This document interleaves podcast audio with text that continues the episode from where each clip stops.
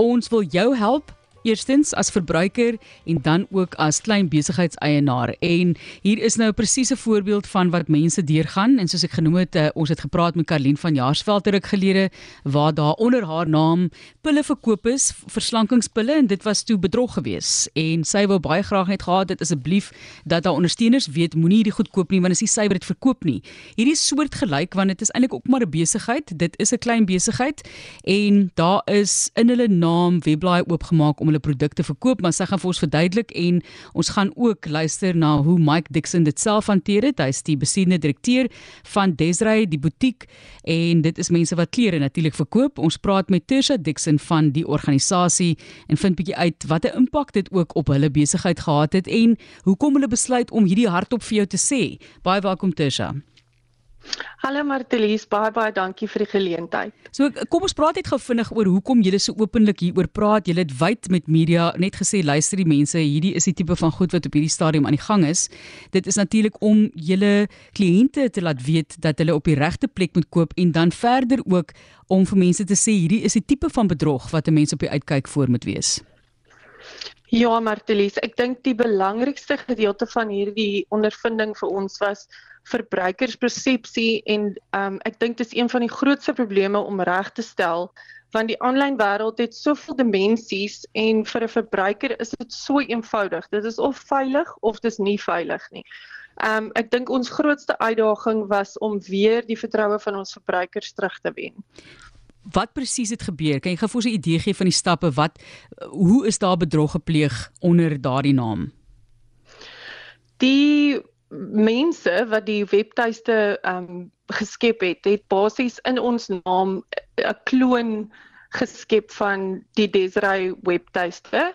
Hulle het gemaak asof hulle Desiree is en hulle het Facebook advertensies en 'n Facebook bladsy gehad waar hulle dan advertensies geplaas het in ons naam ehm um, met die huidige ehm um, met ons huidige reeks ehm um, vir 70% af. So dit was 'n groot uitlokking aan die verbruikerskant om om in die stryk te tree. Ehm um, en van ons kant af het ons nie geweet van die situasie totdat ons verbruikers vir ons laat weet het dat hulle het snif in die neus iets is nie reg nie dit is ons nuwe reeks en hoekom is dit 70% af en hoekom is al die grootes beskikbaar ehm um, wat gewoonlik aan die einde van 'n van 'n uitverkoping is daar net sekere groottes beskikbaar en dit was eintlik deur ons verbruikers se um, kennis en hulle eie um, ondervinding dat hulle vir ons kon help in hierdie situasie. Ons gaan nou hoor van Mike wat hy sê vir hom baie frustreerd in terme van sosiale media, maar waar het hierdie besighede bemark? Was dit op al die algemene sosiale media platforms? Ja, so dit was op Facebook ehm um, alleenlik en dit was deur die Facebook bladsy wat hulle ook dan geskep het om te sê hulle is Desiree en so het hulle die advertensies geplaas wat dan gelyk het soos ons advertensies met ons modelle, met ons reeks Ehm um, wat ek dink vir verbruikers is dit die grootste probleem. Hoe ehm um, onderskei 'n mens tussen die regte en die fake? Ehm um, ek dink dit is waar ons as die besighede ook ehm um, die meeste werk moet doen en ek dink in vandag se tyd met uitvissing, ehm um, ek dink ons banke waarsku ons gedurig, ehm um, moenie uitvis jy weet kyk uit vir hierdie uitvissing, kyk uit vir daai uitvissing. En ek dink die grootste boodskap wat ons aan verbruikers wil oordra is kyk asseblief na die URL URL um, en is die URL dieselfde as die webtuiste van die ehm um, van die besigheid wat jy so goed ken. Die groot probleem was natuurlik ook dat van die verbruikers het gaan sê julle blad is gekloon. So hulle het 'n kloon ja. gemaak van julle blad, maar julle blad is nie deur daai mense oorgeneem nie. Ek dink dit is ook wat mense nee. die fout gemaak het en daai boodskap versprei het. Ja, ek dink dit was een van die grootste so ons het twee die twee grootste plekke waar ons skade ondervind het was dit. Ehm um, so dit is die verbruikerspersepsie dat ehm um, en ek dink dit is maar ehm um, baie min kennis oor die aanlyn wêreld ehm um, sal 'n mens so laat reageer want jy wil ander mense waarsku en vir hulle net jy weet 'n um, soort van voorspring om te sê moenie die webwerf gebruik nie dit was gehack maar dit was nie wat gebeur het nie. Ehm um, so ek dink ek dink mense probeer om mekaar te help maar dit het eintlik vir ons die skade berokken. Ehm um, want dit was nie ons webwerf ons webwerf was nog steeds in sy volle glorie alles was 100% geweest. Dit was net hierdie mense wat 'n soort van 'n ander besigheid aan die kant wat gelyk het soos ja. Desiree ehm um, geskep het. En die na... ander kant van ja. die waar ons ehm um, waar ons ook ehm um, skade gelei het is dat ons omdat dit 'n aanlyn besigheid is is ons omset direk gekoppel aan aanlyn besteding en om verbruikers te help het ons on, ons het gestaak met ons aanlyn besteding om net die omvang van die bedrieglike advertensies ehm um, te kan assesseer. Ehm um, en dit het 'n direkte direkte impak op ons omset gehad op die op daai spesifieke oomblik. Aardige ervaring vir enige persoon wat 'n eerlike besigheid het. Iemand sê so wat verkoop Desrey? Hulle verkoop klere. En dan sê iemand ook hierso dieselfde dieetpille wat ek nou van praat van Karline is onder Johanita Du Plessis se naam ook adverteer. Sê Ilse daar van Kabega PE se rigting. Iemand anders sê ja, jy praat van bedrog. Ek is die reëlse stres. My bankrekening is gehack, soos hy sê. Dankie tog na forensiese ondersoek eens ek is nou gelukkig en dit is uitgesorteer.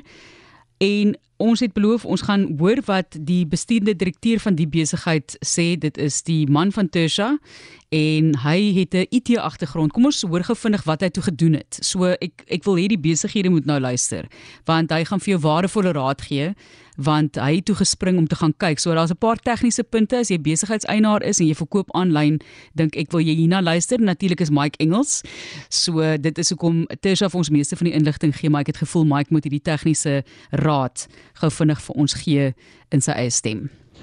Hi, Marcelise. Thank you for um, listening to our story. So, a couple of customers realized something was wrong when the checkout page was taking them to a, like a Chinese payment portal, acra.com.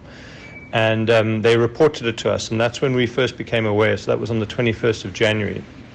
So what we did, I mean, obviously, if you Google what you should do um, when somebody sets up a phishing page or tries to copy your site, um, we we reported this website Drip Gym on Google's safe browsing page. Uh, we reported dripgym.shop onto Microsoft's unsafe site reporting tool and Netcraft's suspicious site tool. We reported the site dripgym.shop as well. Um, and then because I've got an IT background, I knew that one way of getting the site down was to go and look at the who is information, as in uh, who created the URL dripgym.shop and where it was located and who was who had set it up.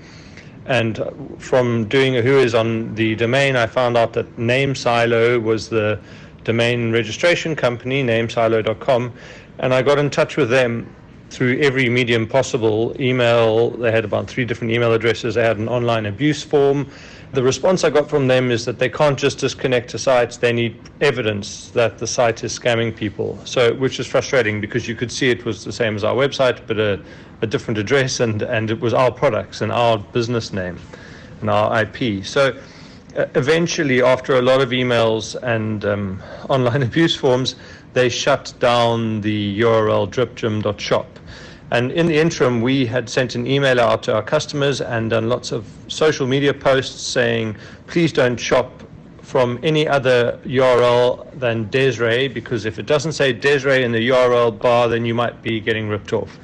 And what the scammers then did was registered a URL called Desiree.shop and started running the same Facebook ad and the to this new um, URL, Desiree.shop. So a lot of customers thought, oh, it says Desiree, and they shopped from it and I went through the same process of reporting the site to NameSilo, and about three or four days later, they shut that page down as well. The problem is the scammers can keep setting up pages as often as they like, and Facebook, no matter how many times I reported it and I sent it to lists of people asking them to report the page as fraudulent, Facebook weren't shutting the page down. And the, the fake Desiree page, which has 37 likes, is still up and running.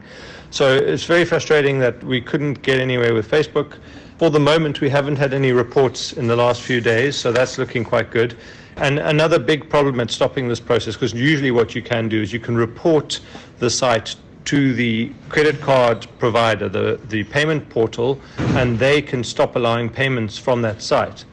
But it seems in this case, the Hong Kong based uh, payment portal, ACRA, acqra.com, um, they seem to be a front for dodgy sites because everything I tried to do to contact them didn't work. None of their phone numbers. I filled in abuse forms. I sent emails to all their support email addresses, had no feedback from them whatsoever. And on Google searching them, saw quite a few reviews saying they're a site for scammers. They're, they're a credit card portal, sorry, for scamming sites. So, so that was a big um, problem. Um, it's just generally been a really bad situation. Dit die stem van Mike Dixon, die bestuurende direkteur van die besigheid wat ons nou uh, mee gesels oor wat hulle deur is. En Tish Addiction, Dixon daai met hom baie frustrerend wees. Kon julle nou stabiliseer? Is die situasie nou so half onder beheer op hierdie stadium? Ja, Martelies, baie dankie. Ek dink ehm um, dit is enige verbruiker of besigheid se grootste nagmerrie om in so strik te beland. Ehm um, maar ek dink wat vir ons baie gehelp het is omdat dit 'n familiebesigheid is en ons het baie vertroue in die mark. Ehm um, en gelukkig het ons die verbruiker verbruikers gehad wat ons ingelig het um, en hulle verstaan uitvissing en hulle was suspicieus um, en dit het ons gehelp om vinnig regstellende aksies te neem. Ehm um, ek dink ons is nou weer op 'n plek waar ons kan ehm um, met veiligheid sê dat ons is weer terug waar ons was. Ehm um, maar ek dink dit maak 'n mens net baie meer bewus oor die ehm um, stappe wat 'n mens moet neem en die bewustheid wat ons ook as ons as ons eie besigheid moet hê om heeltyd ons voelers uit te sit om te kyk of jy weet enigiemand weer probeer om iets snaaks te doen.